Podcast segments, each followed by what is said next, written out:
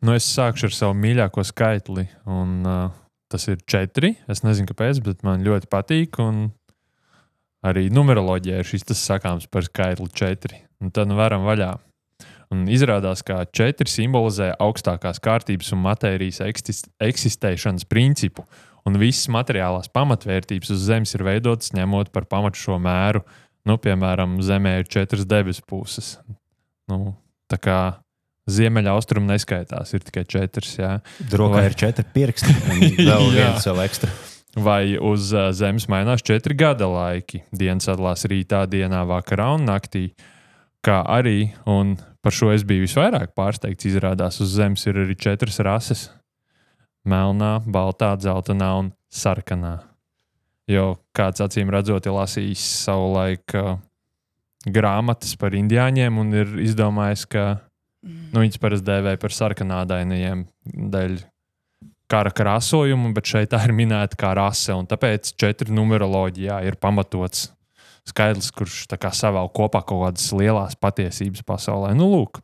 Arī podkāstam zināt, vai muļķības, starp citu, čet, četri ir ļoti simbolisks cipars, jo mūsu pagājušā epizode Spotify topā ierindojās 4. vietā. Un uh, nākamā būs mūsu 4. sezona. un šī nav gadījumā iela, kurā ir 4 dēļ jau četri. Iespējams, un mēs esam četri cilvēki viesi studijā. Brīnišķīgi. Un šī ir, šī ir arī lieliski iespēja mūs iepazīstināt ar uh, šīs dienas viesiem. Tā kā aiziet, Jānis, dod vaļā. Jā, šī ir uh, burvīga situācija, jo jau 20 minūtes pirms uh, podkāsts bija sācies, uh, mēs jau esam pasludināti par uh, neizdevušos raidījumu. Uh, un uh, citēšu, ko mums raksta Twitterī. Uh, tā, kur man pazuda? Vai pareizi saprotu, ka eksperti pēdiņās būs cilvēki, kuri nec par plaukstu lasīšanu, nec numeroloģiju nezina absolūti neko? bet skaitās pēdiņas aktīvisti. Tā kā mūsu šodienas cilvēki, kuri absolūti neko par šo tēmu nezinās, ja, mm. ir, uh, ir uh, Mārtiņš Priedols. Sveiki, uh, sociālā, uh, sociālo psiho, uh, sociālais psihologs, Latvijas Universitātes pasniedzējs un informācijas uztveres pētnieks. Pareizi, ātri visu nobēra. nu, jā, tā varētu īsumā teikt. Jā, un uh, Līva Štāla Potēčuk, sveiki! uh, skeptikāfē pārstāve un kritiskās domāšanas aktīviste. Jā, es laikam esmu tas aktīvists. Jā. Nu, vārdam par... aktīvisms vispār jau tāds vienmēr ir. Uh... Nu, vārdam Tik, eksperts arī. Jo... Eksperts un aktīvists, jā, tas vienmēr uzkurina kaut kādus pretējo viedokļu paudējus. Kas jūs par ekspertiem esat? Jā, jo pagājušajā reizē arī mums, kā, neiebilstot pret cilvēku personālajām podkāstā, lamājās Twitterī par to, ka beidziet aicināt ekspertus, bet aiciniet Zinātnieks. Jā, Pētnieks, pasniedzējs. pasniedzējs. Nu, lūk, šodien mēs parunāsim par numeroloģiju. Atkal tuvojas gada, gadu mija. Un, kā gadu mijā ierasts, tad bieži vien cilvēki mēdz izteikt prognozes nākamajam gadam, kāds tas būs. Bieži vien atbildes meklē zvaigznēs, tā tad astroloģija. Nu, un arī numerologi šo to vienmēr prognozē nākamajam gadam. Tāpēc Mēģināsim šodien tikt skaidrībā, cik pamatot ir šāda prognozes metode.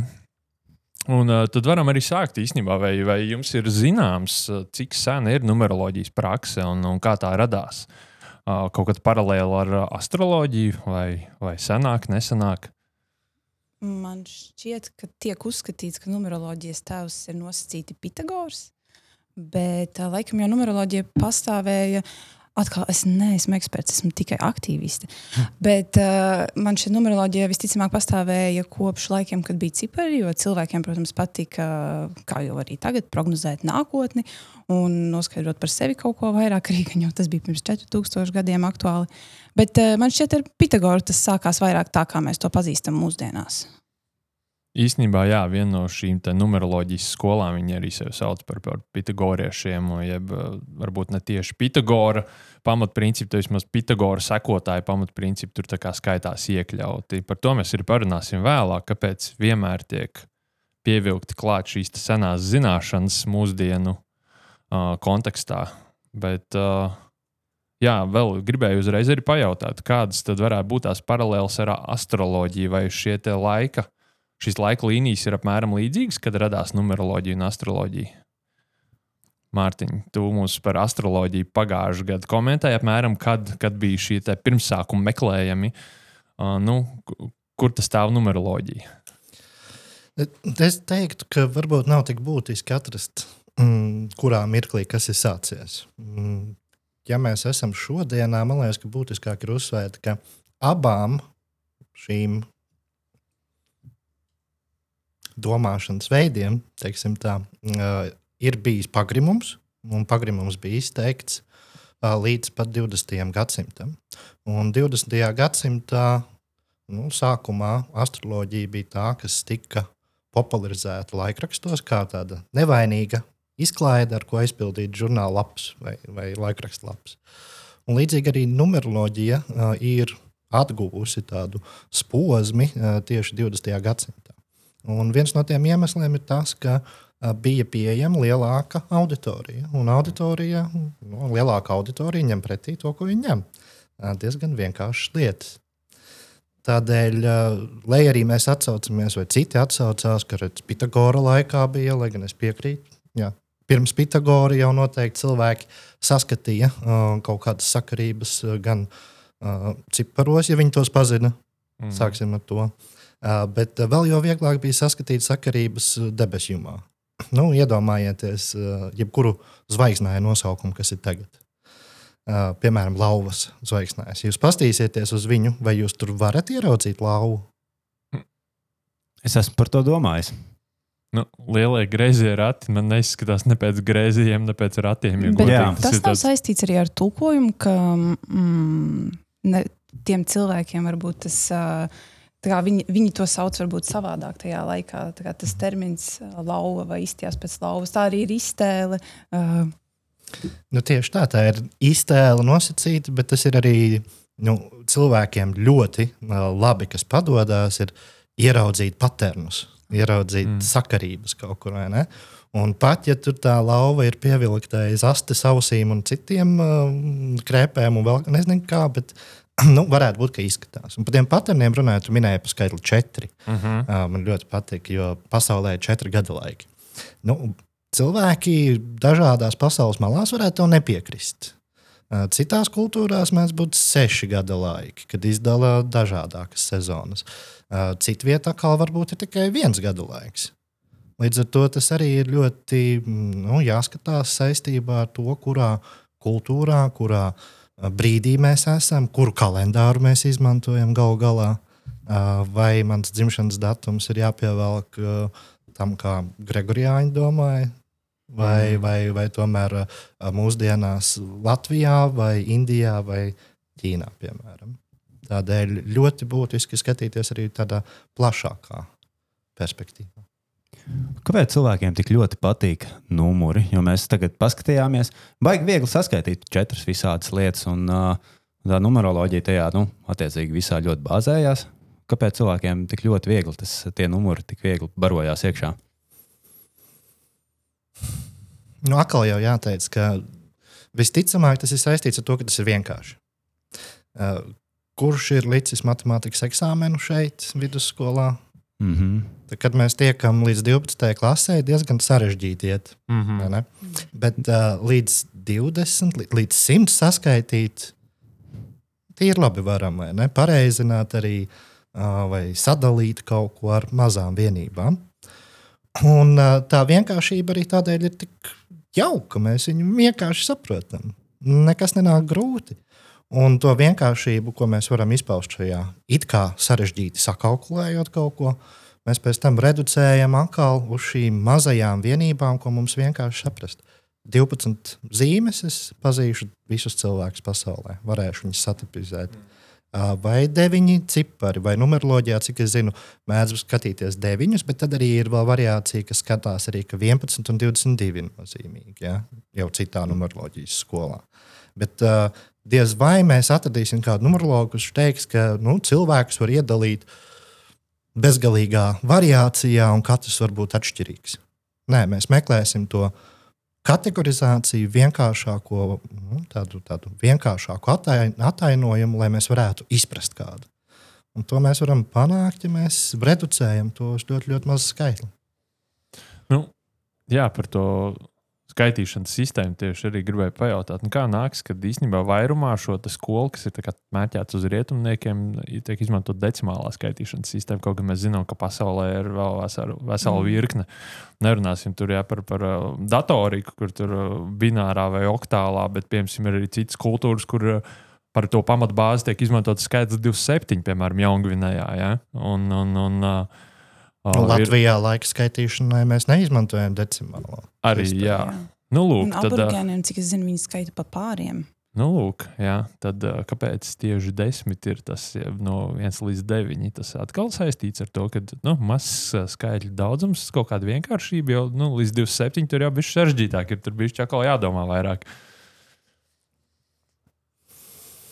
Nu, ja mēs tādā īstermiņā domājam, arī nu, ir tāda viena forša lieta, ko um, psiholoģijā mēdz dēvēt par maģisko skaitli. Cik cilvēka um, atmiņā mēs varam uh, paturēt īstermiņā atmiņā informācijas vienības.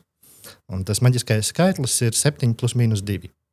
Tātad no 5 līdz 9 informācijas vienībām ir tas, ko mēs spējam forši apstrādāt īstermiņā atmiņā. Vai tas būtu vārdi, vai tas būtu, nezinu, Tāpat laikā tas var būt tipoloģija, pieņemsim kaut kādu. Uh, nu, tieši tādēļ mums ir ļoti grūti izdarīt izvēli, ja, piemēram, mūsu mīļākajam jogurtiņam Rimī parādīsies 37 izvēles. Un labāk būtu, ja tās izvēles skaits tomēr ir nu, tuvāk tām 7 līdz 9. Bet nevajag vienu, jo mm. viens mums nerada iespēju izvēlēties. Un, ja mēs tā domājam, tad atkal nu, tad mēs nonākam pie tā, ka vienkārši ir pietiekami vienkārši tas, lai būtu viegli uztvert. Okay. Uh, kāpēc vispār cilvēki grib meklēt kaut kādu dziļāku jēgu tieši nu, numuros? Okay, matemātikā tas ir instruments, rīks, ko, ko mēs varam izmantot. Uh, bet šeit bieži vien nu, tiem numuriem pašiem par sevi tiek piedāvāta kaut kāda nu, pārcilvēcīga, tad kosmiska universāla vērtība. Ja, kad, nu, neatkarīgi no tā, vai, vai, vai tas ir nu, neatkarīgi no visiem citiem apstākļiem, trīs nozīmē un simbolizē tieši to. Tas nekas, ka tas trīs vispār ir vienkārši cilvēku ieviests veids, kā domāt par kaut ko. Nu, kāpēc mums ir tā tendence mēģināt tā piedēvēt šiem numuriem tādu universālu kaut kādu kvalitāti ārpus matemātiskās? Vai tas arī nevarētu būt saistīts ar cilvēka vēlmi kontrolēt lietas? Um, Mm. Kad mēs piešķiram nozīmi šiem skaitļiem, tad mēs izrēķinām, ka mans cipars ir viens vai divi vai trīs. Un es zinu, ko nozīmē šis cipars viens vai divi un trīs. Tas dod man kaut kādu pārliecību par sevi. Un kad es mēģinu prognozēt, piemēram, nākotnē, es gribu izvēlēties, teiksim, jaunu darba vietu vai partneri. Un es gribu būt droša, ka, piemēram, mums ir tā sadarība, ka es ne, tur neiztērēšu savu laiku vai es nekļūdīšos. Un tad man iedod šo skaitli, kuram ir jau kaut kāda vērtība, un es zinu, kā tas saskanēs ar manu skaitli, un es varu kā kontrolēt iznākumu. Un man šķiet, um, ir, tas ir ne tikai par numeroloģiju, man liekas, tas ir par visām šīm prognozēšanas metodēm, mm. maģis, maģiskajām prognozēšanas metodēm. Un, jā, un arī, protams, tā vēlme justies īpašam kaut kādā veidā, bet tāpat laikā būt daļai no lielākas komunas. Mēs visi devītnieki esam tādi un tādi. Tā kā, es domāju, ka tie divi tādi kontroli un vēlme justies īpašam ir, manuprāt, viens no iemesliem, kāpēc simpatizē cilvēkiem numeroloģija un kāpēc arī vispār prognozēšana ir populāra. Nu, mēs pirms epizodes izmantojām dažus internetā pieejamos rīkus, lai noskaidrotu pēc vārdu un dzimšanas datuma savus uh, skaitļus. Un tad, uh, Romantisko sadarību redzu. Arī uh, un skaitļi bija tad attiecīgi. Man trīs, Jānis, septiņi, bet kopā mēs esam uz desmit. Tā arī tā kā viss kārtībā. Tas arī atbilst uh, tam, ko mums biežāk saka ikdienā. Trīnieks. citu, mums arī saskan. Man arī trīs. Es arī sarēķināju. Nu, redz, Un uh, zina, ko mums vēl saskan? nu. Ar Dārvinu, Linkolnu, Fordu un Staļinu. Oh, Nevarēja neteikt to pēdējo. Bet izrādās, izrādās jā, ka nav tā sakarība tāda vienvirziena. Ka okay. mēs paņemam, satipizējam, un izrādās, ka nu, ar to skaitli cilvēkiem būs uh, attiecīgi nu, kaut kādas nezinu, īpašības vai, vai tam līdzīgi. Un taisnības labāk, ar nepaslinkoju, pastījos, vai ir uh, kaut kas izpētīts tajā ziņā no zinātniskās perspektīvas. Un ir atrodami tiešām tādi valīdi, kur var redzēt, ka metodoloģija ir laba, ka ir mēģināts visu izdarīt pēc zinātniskās metodas pētījuma par šo. Un viens no tiem bija no mm, uh, 2017. gada ā, ASV, kur tika ņemti šie numeroloģijas principi, lai rēķinātu skaitļus, dzimšanas, dzimšanas skaitļus, bet viņas arī mēdz saukt savādāk, cik es zinu, vai citādāk numeroloģijā. Un ā, šos skaitļus sarēķināja visiem Nobela balvas laureātiem no, 2000, no 901. līdz 2010. gadam. Kopā 86 Nobela balvas laureāti. Tātad visi zinātnieki. Dažādās jomās, kategorijās un tā tālāk. Un uh, izrādās, ka nav nekādas atšķirības, kāds tev skaitlis ir. Jo bija pilnīgi vienādi gandrīz vai sadalījumi ar mazām novirzēm, bet ne statistiski nozīmīgām starp to, kādā jomā tu esi ieguvis balvu, kāds tev ir um, skaitlis, cik ātri tu to esi ieguvis un, un visu pārējo. Un šis ir, nu, manuprāt, tāds labs pierādījums, ka mēs drīkstam arī pastīties uz šīm. Uh, uz šiem viedokļiem, arī no zinātniskās perspektīvas. Tas nav vienīgais pētījums, es varbūt vēl ar kādu padalīšos mazliet vēlāk. Bet, uh, ja mēs pielietojam tādu zinātnisko pieeju un paskatāmies, vai tiešām tam ir ietekme, jo pēc būtības nu, katram skaitlim būtu uh, viens, viens par, nu, saka, ka tu būtu vairāk eksaktajās zināšanās, mm -hmm. varbūt, vai mākslinieckāks. Bet, uh, ja mēs ņemam Nobela prēmijas, Tātad ļoti augstu sasniegumus. Tad šiem skaitļiem nekādas nozīmes izrādās nav. Trīnieks var dabūt gan vienā, gan otrā zinātnē, un trīnieks nedabūna vairāk balvas nekā septiņnieki. Piemēram.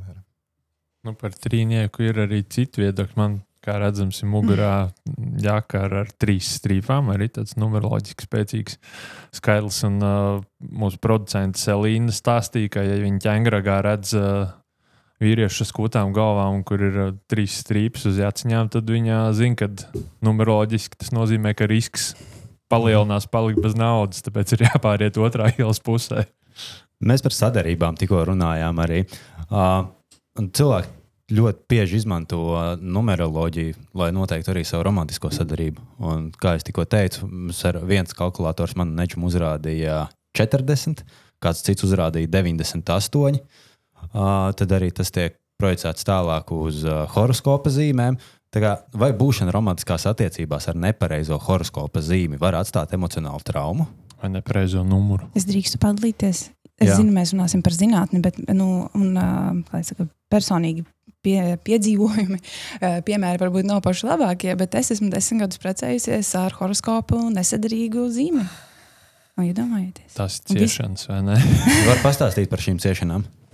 Nu, jā, nu, kā, nu, kā lai saka, katru dienu izdzer baldriāņus priekš sirds, jā. Jā, aizskait līdz desmit. Starp citu, ir uh, speciāls Facebook grupas, kur ir uh, atbalsta grupas cilvēkiem, piemēram, ar nosaukumu Es uh, reiz mm, tikos ar mežāzi. Jā, de- es deitoju mežāzi vai nu, tam līdzīgas, kur cilvēki viens otram kā, nu, stāsta savas pieredzes. Tas grupas ir ļoti liels. Nu, jā, lūk, kā to izskaidrot.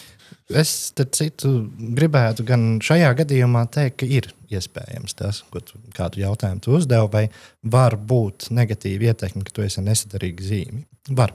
Mhm. Uh, Jo? Bet skaidrojums nebūs ne, ne tajā zīmē, bet skaidrojums būs tajā, ka tu apzināsies, Mm. vai tev būs teikts, ka tu esi nesadarīgs ar konkrēto cilvēku, ka tev būs teikts, ka, pieņemsim, es negribu nevienu te.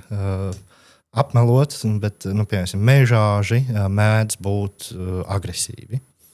Un tajā mirklī es Es nezinu, vai tā ir. Mm, Tiešām neesmu eksperts uh, tajā, vai, vai, vai mežāžiem tā vajadzētu būt. Bet, ja es to dzirdētu mm, no psiholoģijas, es meklētu, vai nu apzināti, bet arī neapzināti, pamanītu tādas darbības, kas nāk no šī cilvēka puses, kas apstiprina šo apgalvojumu. Nu, eh, elementāri to sauc, nevis elementāri, bet psiholoģijā to sauc par apstiprināšanas noslēdzi, tad, kad mēs pieķeramies kaut kam un, un tad arī meklējam apstiprinājumu tām lietām. Uh, un vēl ko mēs varam saskatīt, arī tādu mm, pašpiepildošos pareģojumu. Uh, Tātad uh, pēc būtības, ja es zinu, ka es šodien sastapšu agresīvu cilvēku, tad es pamanīšu to, ka kāds atkal manā komunā vai uz ielas varētu būt mazliet agresīvs. Un tas ir saistīts ar to, ka mums ļoti labi padodas atpazīt kaut kādas lietas apkārtnē, vidē. Ja? Tas ir ļoti, ļoti dabiski. Un no tādas perspektīvas, ja mēs skatāmies, vai var būt, pieņemsim, negatīvas sekas tam, ka es esmu ar nesadarīgu zīmi vai nesadarīgu ciparu vai tam līdzīgi. Ja es tam ticu, ja es to ievēroju, tad tam var būt negatīvas sekas, jo arī es varu provocēt kādas darbības. Tu, principā, uzvedies tā, it kā tas cilvēks jau būtu agresīvs pret tevi. Ja? Un Tad, tad, kad viņš tev vienā brīdī paprasa, kas tev šodien ir, tad tu tāds, ko tu man uzbrauc? Ja? Apmēram. Aptuveni. Mm -hmm. Interesanti. Būtu interesanti, kā varētu uz šo kā dizainēt kaut kādu kontrolētu eksperimentu. Tur būtu partnerim jāslēpj gan horoskopu zīme, gan dzimšanas datums. Jā, nav jāsaka, jāapskatās pēc desmit gadiem, vai tur ir kaut kādas atšķirības starp nesadarīgajām bijušas. Laikam tas nebūtu ētisks eksperiments. Tas bet- nebūtu ētisks eksperiments, bet Jā. Uh, vienreiz par visām reizēm Zinātnes vārdā, protams. Jā, jā, jā. Bet, eh, bet ir pētīts tas, vai eh, nu, šiem skaitļiem piemīt eh, tas, ko skaitļi pauž. Un, ja nemaldos, skaitlis 7 un 9 vai 7 bija saistīts ar tādām pārdabiskām spējām vai spēju tur kaut ko. Mm. Uh, vairāk redzēt, un arī tur ir uh, veikti pētījumi, mm, un, un cilvēkiem tika uzdots vienkārši tāda aptaujiņa, kur, kur prasīja par viņa pārdabiskajām spējām un tam līdzīgi. Un skatījās, vai viņu dzimšanas skaitlis 7, 9, vai tiem, kuriem bija 7, 9, nu, teica vairāk, viņiem ir šādas spējas. Izrādās arī tur īsnībā pat septiņnieki un deviņnieki mazāk nekā citi cilvēki ar citiem dzimšanas skaitļiem norādīja, ka viņiem varētu būt kaut kas, ka viņi redz vairāk vai, vai mazāk. Tā kā ja mēs pārbaudām to, tad uh, nu, tas neiztur tādu pārbaudīšanas kritiku.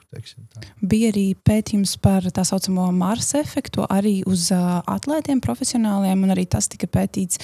Mēģinas, mēģināja salīdzināt, tas tagad par astroloģiju, protams, es runāju, bet uh, arī, protams, netika atrasta īpaša sakarība, bet arī par skaitli arī bija Marsa skaitlis. Uh, Pieci, man liekas, viņi mēģināja atrast pieci, un, uh, un tad viņi arī neredzēja īsti sakarību. Stanfordas Universitātē man šķiet, bija šādi pētījumi 90. gados. Patiesībā viņi visai daudz pētīja par paranormālajām aktivitātēm, bet, uh, protams, ne tikai par numeroloģiju, un uh, visai neveiksmīgi pētījumi. Runājot par uh, sportu, mums ir arī piemērs, jā, konkrēts, nesens piemērs. Jā, jā nu varbūt tu kā lielāks sporta pazinējs. Var... Jā, es Padalīties. vienkārši nolasīšu. Tas bija pavisam nesen, 25. novembrī. Laikam dienu pirms tam Kristaps Porziņš gūta traumu basketbolā. Un uh, Twitterī raksta, tā ir, ka Kristapam Porziņam, ka Porziņam neviens nepasaka, ka uz sportam visnaidīgākā Saturna marša kulmināciju vajag izlaist spēli vai pilnīgi citādāk sagatavošanos, lai netraupēt- netraumētos. Nu, kā var nejust laiku un iebersties regulāri tādā līmenī, esot jop, cik tur lamājās cilvēki. Par KP skaidrs, ka Astro var neinteresēt, bet ko dara Bračkas un apkārtējie, kas tur to naudas renīt, nu tad tur aiziet tālāk. Mm. Bet viens ir skaidrs, nu, Saturna Marsa kulminācija bija vainīga pie, pie tā traumas porziņa. Un kas šajā visā man uh, šķiet tas pats interesantākais, ka šis cilvēks, kurš tur citur ir Latvijā, tā kā no viens no zināmākajiem astrologiem, numerologiem, viņš ir pieņēmis par pašpieņēmumu, ka nu, tai astroloģijai, numeroloģijai jābūt visam pamatā. Nu, kā var būt tā, ka komandas vadība neņēma šo vērā? Uh, Kāda ir jūsu pieredze ar, ar uh, lēmumu pieņemšanu tādos jau diezgan augstos līmeņos un būtiskās lietās, uh, kur par pamatu tiek ņemti astroloģija un numeroloģija? Vai jums ir bijis saskarsme ar šādiem gadījumiem? Man šķiet, ka visai interesanti arī par to porziņu jautājumu ir tas, kāpēc. Es eh, varbūt nesaprotu tik daudz no astroloģijas, bet kāpēc tieši porziņš nevarēja? Visi citi drīkstēja iet, ar viņiem visiem viss būtu bijis kārtībā, bet tieši porziņš uz viņu attiecās šī kombinācija. Tas varbūt man pietrūks konteksta. Tas par- Varbūt kaut kas par viņa vārdu, kāds ir viņa tas Ah, skaitlis. nu jā, protams, tur ir tikai tik daudz zīmes, ko var rakstīt Twitterī. vai? Jā, vai arī tas, ka, protams, uh, Latvijā zināms uh, nu, astrologs, numerologs runās par to spēlētāju, kas latviešiem interesē. Es domāju, ka tas izskaidrojums var būt tieši tik vienkāršs. Jo arī. tajā pašā dienā es varu redzēt, ka notika ne tikai tā sporta spēle, visticamāk, arī kaut kur mazā skolā. Es nezinu, Latvijā Jā. notika kaut kāda sporta spēle, kur viss beidzās visai forši. Un Nu, gan, nav jau tā, ka- arī, gan jau arī porziņa pārējie komandas biedri nebija tā, ka beidz spēli, tāpēc ka visi satraumējās, izjūt laukumā, Jā, jā. nevarēja Lūk, pabeigt. tas būtu notikums. Jā, jā. Bet man eh, par to pašu jautājumu, ko uzdevāt pašā sākumā, man arī liekas salīdzinoši interesanti par to, ka starp deputātiem es esmu dzirdējusi, atsevišķi ir pieminējuši ne gluži numeroloģiju, bet ir pieminējuši, ka ir izmantojuši pakalpojumus, pareģošanas pakalpojumus. Un, uh, es zinu, mums arī ir bijuši deputāte, kas ir bijusi zīlniece. Uh, nu, tā viņas viena no nodarbošanām ir bijusi. Tas, jā, man, man pašai arī, ja godīgi, tas jautājums ir ļoti labs, un par to varētu taisīt arī psiholoģisku pētījumu, vai notiek kaut kāda uh, izvairīšanās no tās kognitīvās disonances, ka tu centies strādāt racionāli, centies pieņemt lēmumus balstoties pierādījumos, un tad uh, pulkstenis ir pieci, tu aiztaisi savu datoru un izvēlējies savu taro, to, to savu kāršu, un tad tu vienkārši tad ej pēc tās programmas programmatūras. Līdz ar to Mārtiņa var tā, cilvēks tā ļoti tā asi nodalīt to, to savu pārdabisko ticību, numeroloģiju pret. Uh... No vienas puses, mēs varam domāt, ka nu, cilvēkiem ir dažādas uh, identitātes. Ja? Pat labi, mēs šeit esam. Es esmu kā, kā zinātnieks, pētnieks, bet uh, tajā mirklī, kad es iziešu ārā pa durvīm, iekāpšu mašīnā, es būšu autovadītājs. Ja? Uh, aiziešu mājās, būšu jau citā identitātē un tam līdzīgi. Līdz ar to mēs varam arī mainīt, kurā mirklī mēs ņemam kaut ko vērā, kurā neņemam. Bet kopumā jāteic, ka Latvijā ir ļoti augsta maģiskās domāšanas nu, pietāte pret šāda tipa domāšanu. Un tas arī atkal, es negribu teikt, ka tas ir slikti, jo tam ir savas pozitīvās, pozitīvā aspekti. Kādēļ cilvēki tā domā, tam ir nu, pirmkārt tāda samierināšanās reakcijas. Ja? Jo mēs zinām, ka cilvēki vēršas pie numeroloģijas, pie astroloģijas. Pētot arī uh, mazliet, ieskatoties numeroloģijā, uh, viņu mājaslapās uzreiz blakus ir arī astroloģiskā karte, mm -hmm. kristāli uh, un taro un viss, viss vispārējais. Tad, tad visas šīs te, mm, nu, pseidozinātnes iet roku rokā. Un no psiholoģijas mēs zinām, ka tam ir ļoti dabiski, saprotami, skaidri, cilvēcīgi izskaidrojumi. Viss tas sniedz atbildes. Sniedz vienkārši atbildes uz dažādiem jautājumiem, kas cilvēkus nodarbina. Un, es varētu saukt entos piemērus, kā mēs, nu, kādos mirkļos, piemēram, tas notiek. Ja? Nu, pētījumi rāda, ka tas notiek dažādu krīžu gadījumā. Gan individuālu krīžu gadījumā, gan arī tad, kad uh, pasaulē notiek kaut kāda saviņojuma, vai pie mums, tad paaugstinās šī tendence meklēt izskaidrojumu. Tā problēma ir, ka tajā mirklī, kad ir krīze, mums tā jau ļoti daudz enerģijas tiek veltīts, lai mēs spētu valdīt emocijas, lai mazinātu trauksmi, lai tiktu galā ar ikdienas pienākumiem. Un iedomājieties, tādam vidējam cilvēkam, tagad, kurš ir pārnācis no darba mājās, varbūt dubultās maiņas. Ja, uh, Mājās vēl kliedz kaķi, bērni un, un, un eglīti ir apgāsta, un, un, un paralēli vēl ir attiecībās problēmas. Un tagad viņam ir jāsaprot, ka tas viss ir sarežģīti. Ka vajadzētu iet pie psihologa, piemēram, vismaz desmit sesijas, vajadzētu veltīt katru dienu analīzē par to, kas notiek apkārt, vai arī aiziet un saņemt atbildi, kādēļ tā notiek. Tas ir vienkārši ļoti grūti, nu, nevis ļoti grūti, bet ļoti viegli pieņemams lēmums. Ja man kāds pateiks, kādēļ tā notiek, es ņemšu to pretī. Kādas sekas tam ir ilgtermiņā, teiksim, mums kā sabiedrībai? Nu, mēs vienkārši neatliekam to problēmu, mēs mm. viņu risinām un pa, pastāv, paslaukam zem tepiņa. Ne tikai paslaukam zem tepiņa. Pirmkārt, eh, no tas, ko es jau teicu, tiklīdz mēs, teikšu, žargonā pavelkamies uz vienu, uh, mēs ļoti ar lielu varbūtību pavalkamies uz citām lietām. Daudz ir pētīts tas, ka, ja tu tici pārdabiskām spējām, tad izrādās, ka pēc tam notic arī sazvērestības teorijām un dažādām citām lietām. Tur ir arī savi personības faktori. Un tas, ko pētījumos mēs redzam, ka cilvēki, kuriem ir izteiktākas narcisma iezīmes, nevis kuriem ir narcisi, bet kuriem ir izteiktākas narcisma iezīmes, uh, mēdz vairāk paļauties uz dažādām pseidozinātnēm, mēdz vairāk paļauties vai nu, piekrist dažādām sazvērestībām. Un tas ir saistīts ar to, ka ir tā vajadzība pēc pašapliecināšanās lielāka. Es zinu labāk nekā visi citi. Ja? Uh, ko vēl var redzēt, ka tas, nu, protams, tas ietekmē arī reālās dzīves notikumus. Ja? Uh, atkal jau tāds ļoti jauns, 23. gada pētījums, šī gada janvārī izdots, publicēts. Uh, tur tika analizēti dati par laulībām un bērnu piedzimšanu uh, Dānijā. Ja? Uh, un skatījās, vai ir kāda ietekme laimīgiem skaitļiem. Tātad, vai cilvēki izvairās no 13. datuma, uh, kas ir ļoti populāri nelaimīgs skaitlis. Tad citu es nokārtoju tiesības 13. piekdienā pirms daudz, daudz, daudz, daudz gadiem. Ja. Uh, skatījās, vai tur ir uh, saistības ar piemēram, 29. februāri, kurš vienkārši uh, fizisku iemeslu dēļ mums pastāv, ja, jo, jo tomēr tā rotācija uh, nav tik vienmērīga, lai iekļautos mūsu nospraustajā laika rāmī.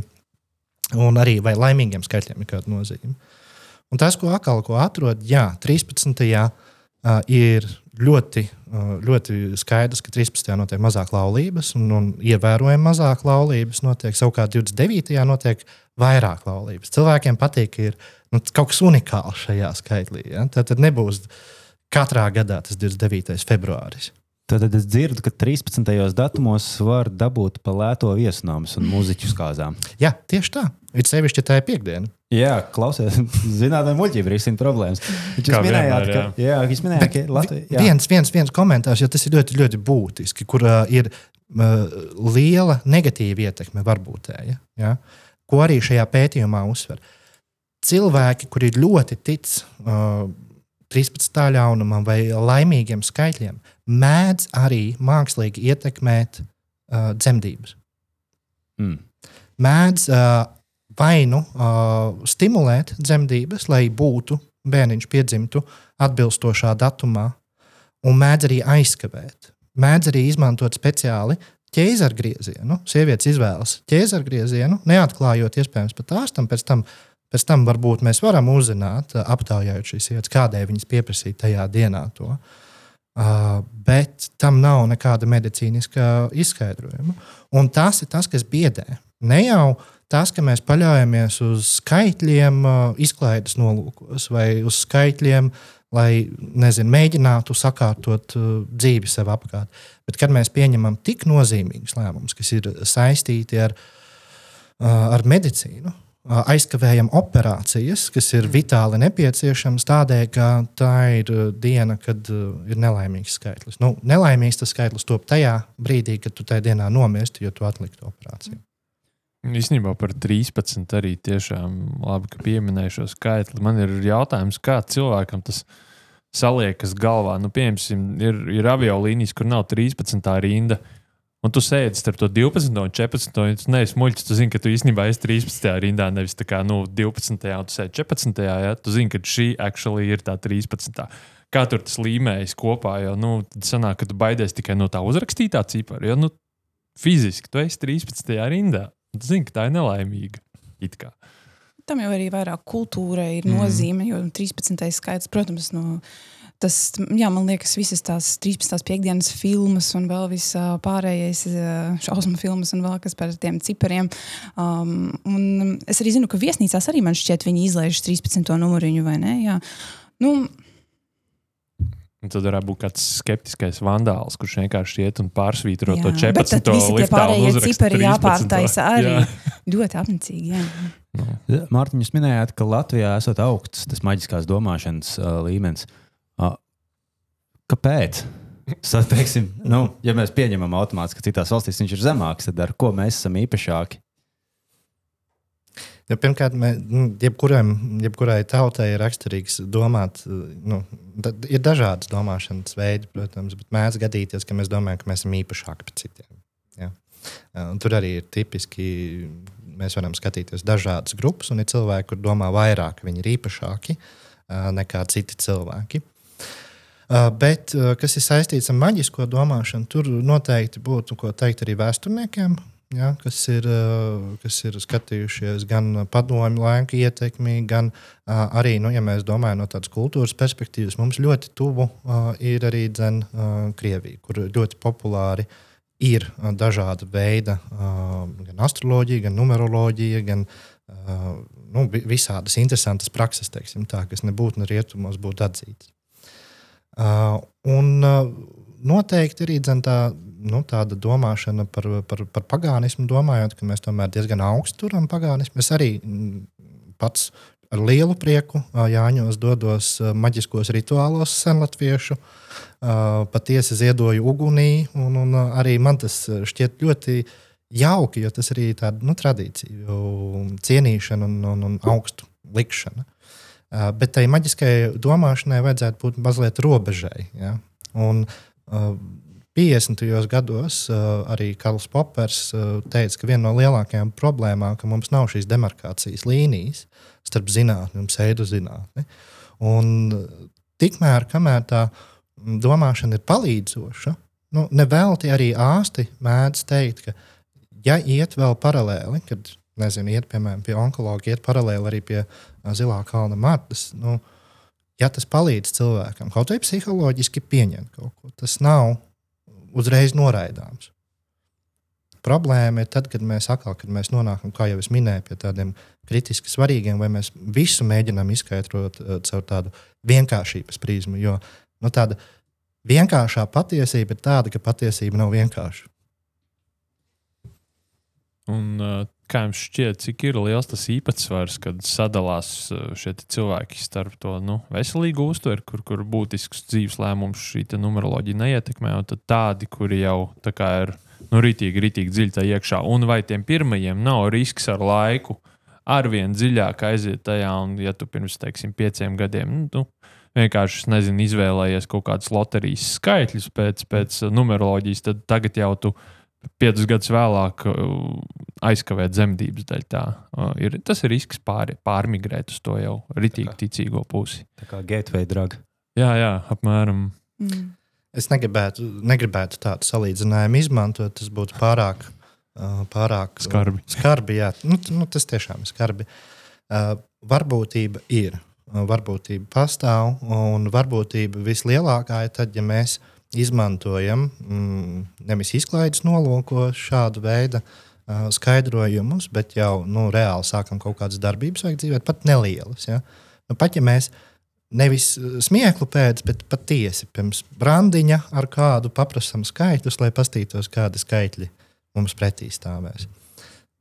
Tā ir mirklī, ja tas ir izklaides pēc, uz priekšu.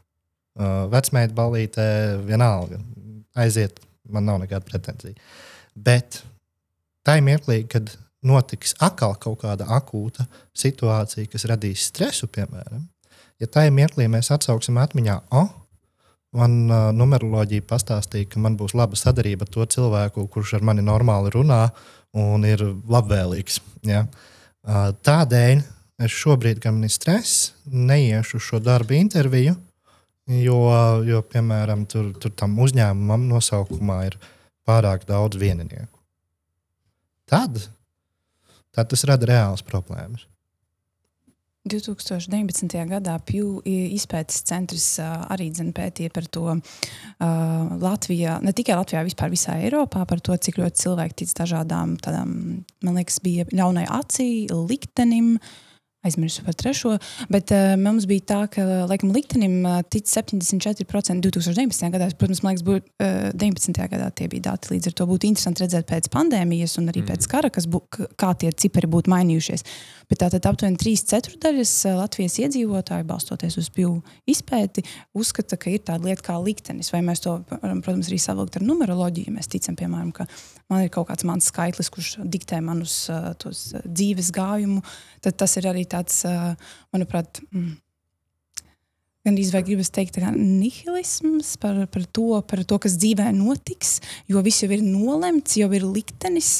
Un uh, arī, dzen, kad uh, sākās Ukraiņas karš, es atceros, ka uh, tieši tas laikam, bija vairāk no krievu um, ekstrasensiem uh, un, un, un tādiem pārdabisko nozaru speciālistiem, ka viņi runāja par to, ka Ukraiņiem ir kaut kāda karma, kas ir jāatstrādā. Un tad šo pašus tekstus dzirdēju arī pēc tam kaut kur Latvijā starp uh, atsevišķiem cilvēkiem arī atgremojam par to karmu, par to kaut kādu mm. nopelnīšanu.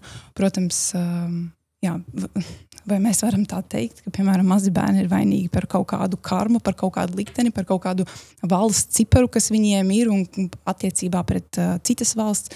Tas liekas tā ļoti nežēlīgi, ļoti augsti. -hmm. To saka skeptiķis, kuriem parasti pārmet, ka mēs esam ļoti augsti. Kā, nu. No vienas puses arī interesanti sanāk. uh, Mārtiņš minēja, ka šī vienkāršā nu, mēģinājums vienkārši izskaidrot sarežģītas lietas ar skaitļiem, tad tā kā, gūt kaut kādu kontroli pār savu dzīvi. No otras puses, bet nu, liktenis īstenībā neko tāpat nevar ietekmēt. Uh, Visu var attaisnot tikko likteni. Tas ir smieklīgi. Jā. Par uh, sazvērestības teorijām ir uh, ļoti interesanti arī pētījumi. un Viens no pētījumiem pētīja sazvērestības par princesi Diānu. Uh, es domāju, ka visi zina, mm Mhm. -hmm. pirms uh, nu, jau daudziem, daudziem gadiem gāja bojā autokatastrofā. Un jautāja cilvēkiem, vai viņi pirmkārt piekrīt, ka tur kaut kas nav tīrs vai ne? Kaut, kas, kaut kāda sazvērestība varētu būt. Un uzdeva jautājumus par to, nu, kāda tā sazvērestība varētu būt. Viena no sazvērestībām bija, ka viņi tur speciāli nogalināja karaļnams, un vēl kaut kāda sazvērestība. Un tad viena sazvērestība, ka īstenībā viņi pat izdarīja pašnāvību. Un tas, ko te pētījumi atklāja, ir diezgan paradoks liels. Viena un tie paši cilvēki, kas teica, ka ir ticams tas, ka viņu visdrīzāk kādi ārēji spēki nogalināja, teica, ka ticamākais izskaidrojums ir arī, ka viņi pat izdarīja pašnāvību. Ja? Tātad mm. tas, ko mēs redzam, ka tā ticība vienkārši ir ticība kaut kam citam, nevis kaut kam patiesam, vai kaut kam ticamākam, vai meklēšana kaut kāda izskaidrojuma. Tas ir vienkārši tāda izskaidrojuma meklēšana, kas ir ārpus nu, tāda pierastā vai plašāk zināmā. Un tad mēs atkal varam domāt atpakaļ pie tām lietām, kas ir pierādījušās, kas ir saistītas ar to. Tas ir šīs narcisistiskās iezīmes. Ja, tā tad, uh, un nebaidieties no tāda termina, mums visiem piemīt. Arī man, mm. es esmu kaut kādā veidā uz narcisistiskām iezīmēm, vai nu stiprāk vai mazāk tendēts tāpatās kā mēs visi citi. Ja? Bet nu, tiem, kuriem ir lielā vairumā viņas. Ja? Un uh, arī dzen, tas ir mazliet saistīts ar uh, intelektu. Uh, tādā ziņā, ka tur varētu būt arī dzen, izglītības ietekme un, un, un, un citi faktori. Un arī tas nav saistīts ar to, ka varbūt cilvēki ir mazāk gudri, bet nav šo prasmju, un, pieņemsim, atbilstoši meklēt vai izvērtēt šo informāciju. Kur arī nebūtu nav tā, ka tie, kur ir izglītoti, neuzķersies. Mm. Kā jau jūs teicāt, deputāti, uzņēmēji, ļoti inteliģenti cilvēki mēdz izmantot numeroloģiju. Pieņemsim, ja?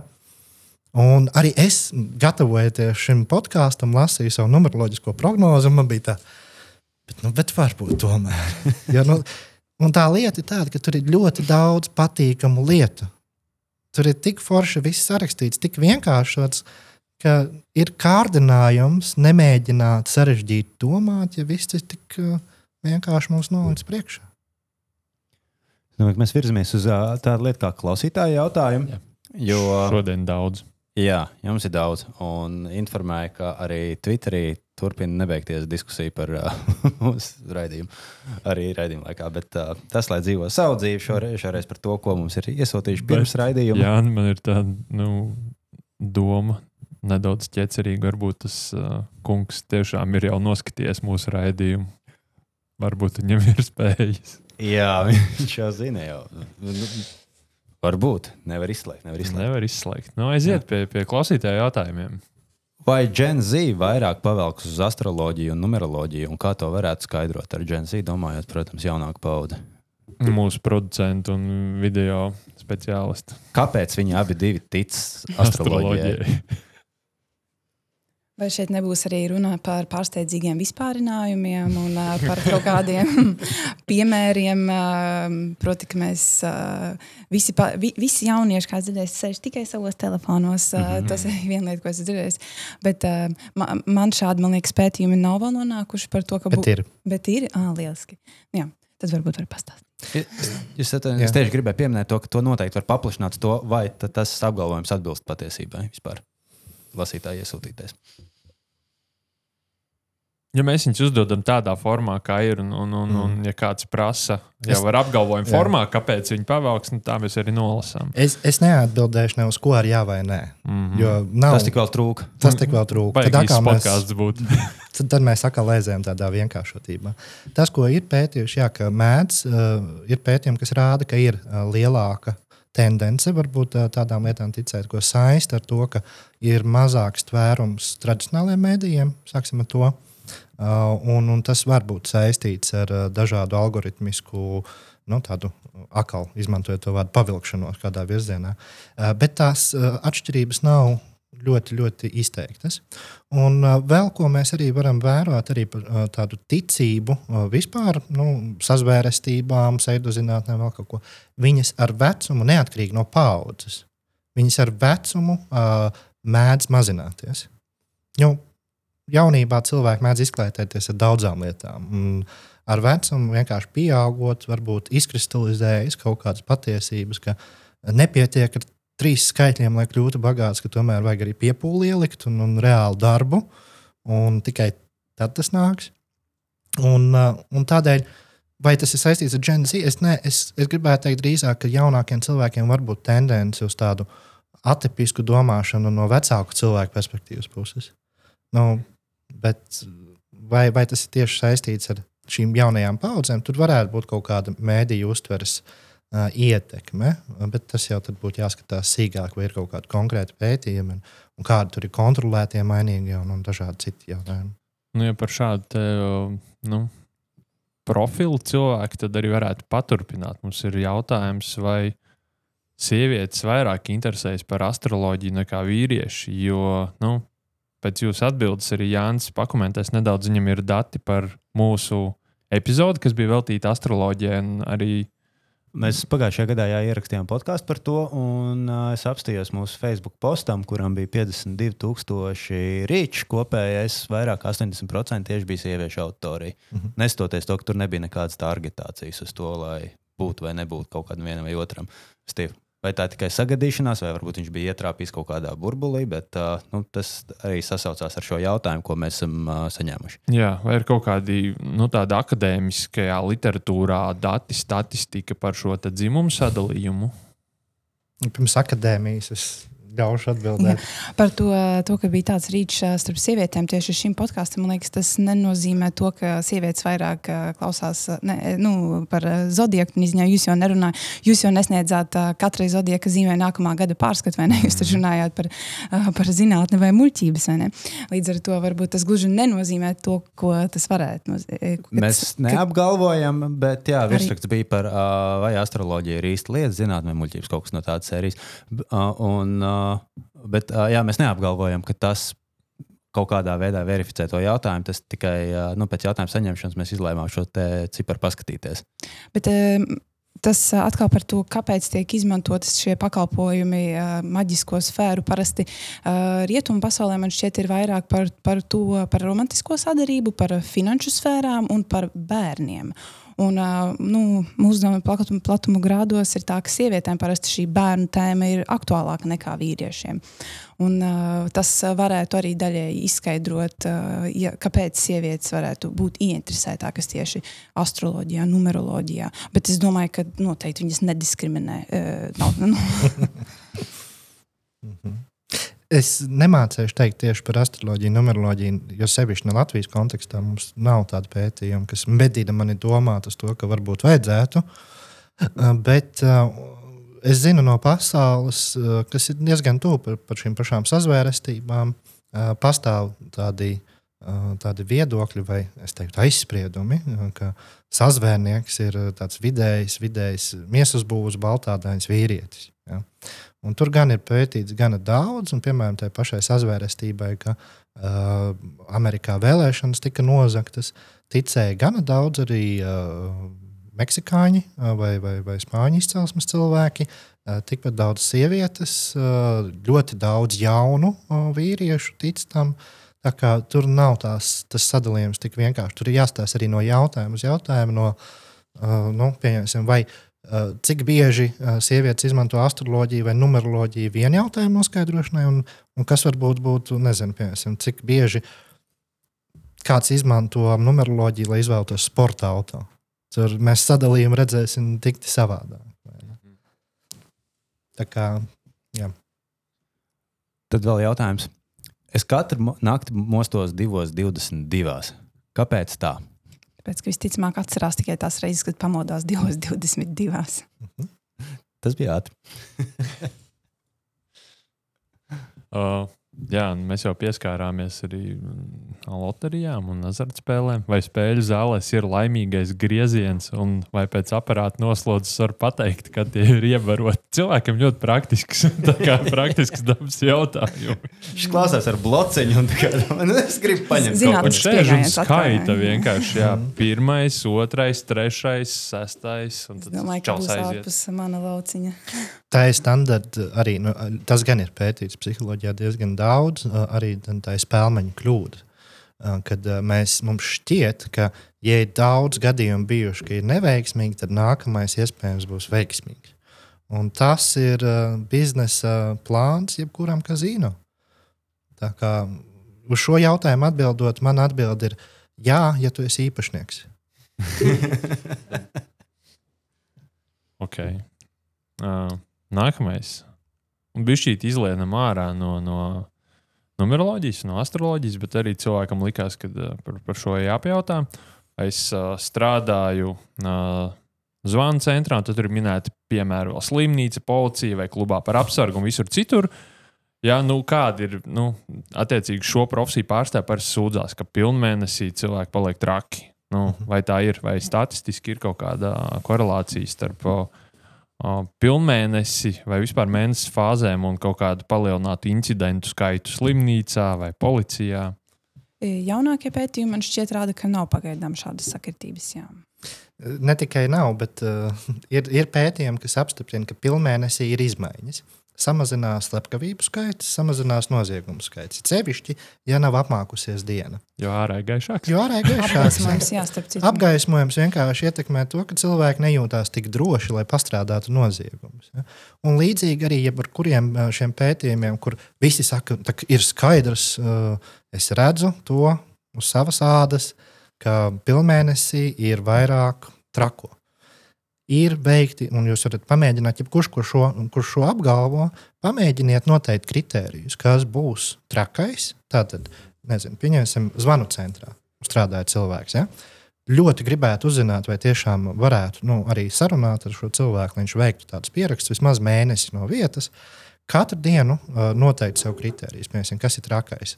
Paceļ balsi, vai neadekvāti iebilst, vai, vai tam līdzīgas lietas.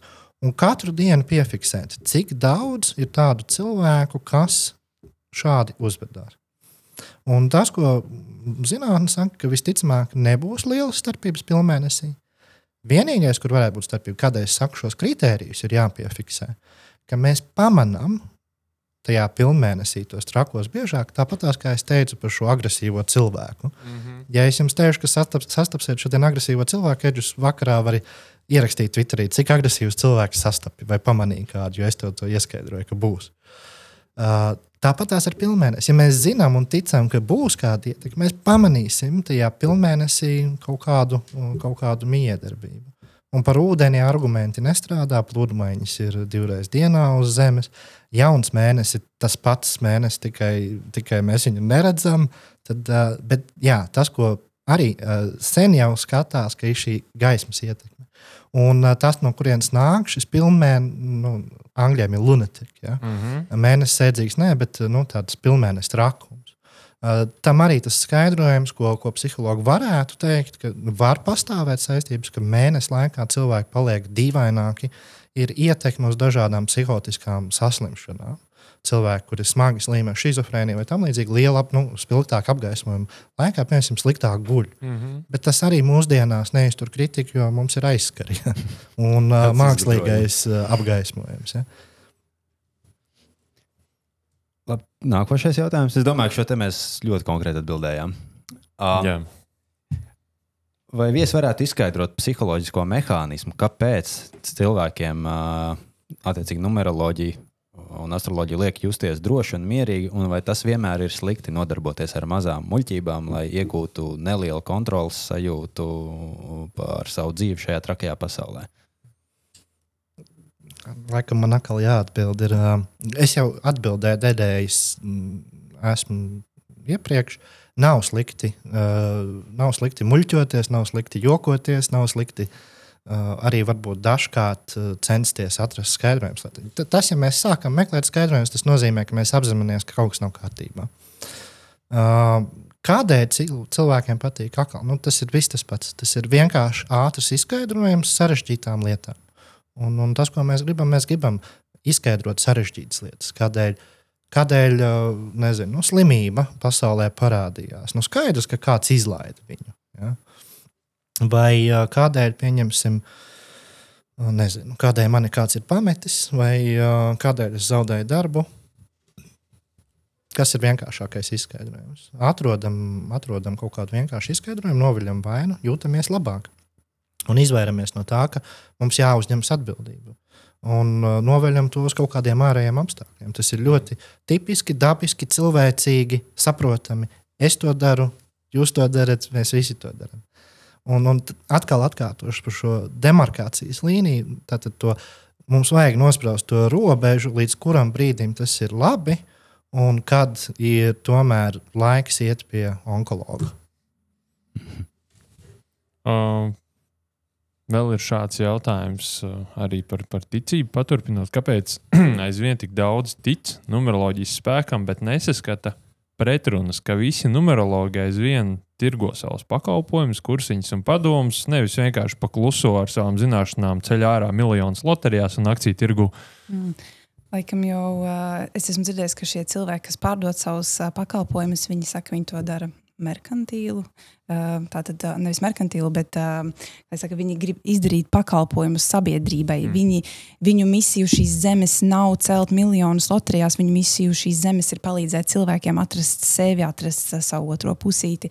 Tā, tā ir laikam tā viņu atbilde. Mm -hmm. Un, um, Jā, es, es pat uh, tāds tas jautājums, pat nezinu, kā, kā, kāpēc, cilvēki, kāpēc cilvēki grib nodarboties ar numeroloģiju. Nu, tas, um, Un tāpat arī grib to emocionālo labumu dot, bet tā kā konsultācija jau tāpat tos 50 nu, jā, enerģijas apmaiņai. Enerģijas Enerģijas apmaiņai jā. Tas bija, ko es meklēju. Bet, bet uh, viena tāda lieta, arī, ko likšu aiz visiem aiz auss, tas nenozīmē, ka viņi to dara merkantīli. Tas nenozīmē, ka viņi tiešām vēl ļaunu. Mm. Liela daļa cilvēku, uh, kuri nodarbojas ar šīm praksēm, patiesi vēl labu. Viņi vēlas palīdzēt, un, un, un tas mērķis, es, es, es gribētu domāt, ka ļoti reti ir tāds nu, augsts, apzināts, krāpniecisks gadījums. Ja? Noteikti ir, uh, bet ļoti reti. Jo, nu, es no savas pieredzes varu sas, sa, padalīties, kur es bieži saskaros ar astroloģiju, numeroloģiju un tam līdzīgi. Ir pirmā kursa psiholoģijas studenti. Mm. Jo arī tur ierodas cilvēki, kur tam tic, arī pat ir certificēti. Un, uh, pirmajā kursā pirmais uzdevums, ar kuriem ar kuru mēs strādājam, ir tieši runājam par uh, pseidozinātnēm un skatāmies, nu, kādēļ cilvēki tam tic. Un, un tad pirmajās reizēs ir ļoti liela pretestība pret to, ka es visu mūžu esmu balstījis nu, savu zināšanas tādā jautājumā, tādās pārliecībās, kādēļ man tagad būtu tas jālauž, ja tas strādā. Jā, konkrētos brīžos tas strādā, bet arvien vairāk, jo mēs ilgāk m, sākam analizēt informāciju, skatāmies reālo pamatojumu, kādēļ cilvēki jūtas slikti, kādēļ viņi ir nemotivēti un, un, un visu pārējo. Gan šie studenti strauji maina domas, uh, gan, gan arī nu, viņi apkārt sēž to tālāk. Ja? Uh, jā, galvenais, ko es gribēju teikt, ka nu, nevajag uztvert, ka tie cilvēki, kas dara šādas lietas, ir slikti vai, vai dara ļaunu, vai viņi domā vai apzinās, ko viņi dara. Un, lielākajā gadā, daļā gadījumā, ja kāds cilvēks grib ar viņiem parunāt par kādu sasāpējušos jautājumu, tas vien, ka viņš sāk runāt par šo tēmu, arī var būt labi. Mm -hmm. Tā kā, tur var būt arī pozitīvās lietas. Bet tā problemātika, ko es saku, es negribu arī teikt, ka tas ir labi un ka mums vajadzētu to popularizēt. Ja? Bieži vien tas aizved neceļos.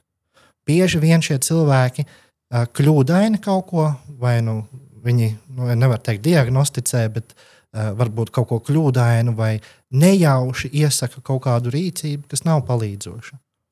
Un, un tad mēs varam nonākt lielā bezdibenī. Man ir jāpiekrīt par to, ka nevienmēr viņi prasa naudu.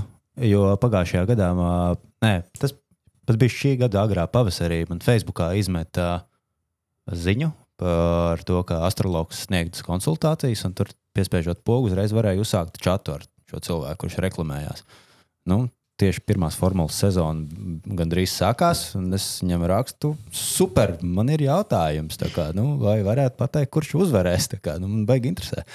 Un tad viņš teica, ka esot līdzi kārtas, un kārtas esot apjukušas, un nevarot pateikt konkrētu atbildi, bet viņš centās man palīdzēt. Par velti. Uh, jā, viņš neko nepaprasīja. Viņš beigās teica, ka es varu uzzvanīt un dabūt plašāku konsultāciju. Es uh, Ah. noteikti gribu, jā, plašāku konsultāciju. Gan jau nebūs. Un kādas bija apjukušas, vai ne? Kārtas bija apjukušas, jā. Varbūt pēc 50 eiro vairs nebūtu bijušas tik apjukušas. nu, labi, bet nu, es tevi tikai varbūt tādu nedaudz, uh, nedaudz pesimistiska.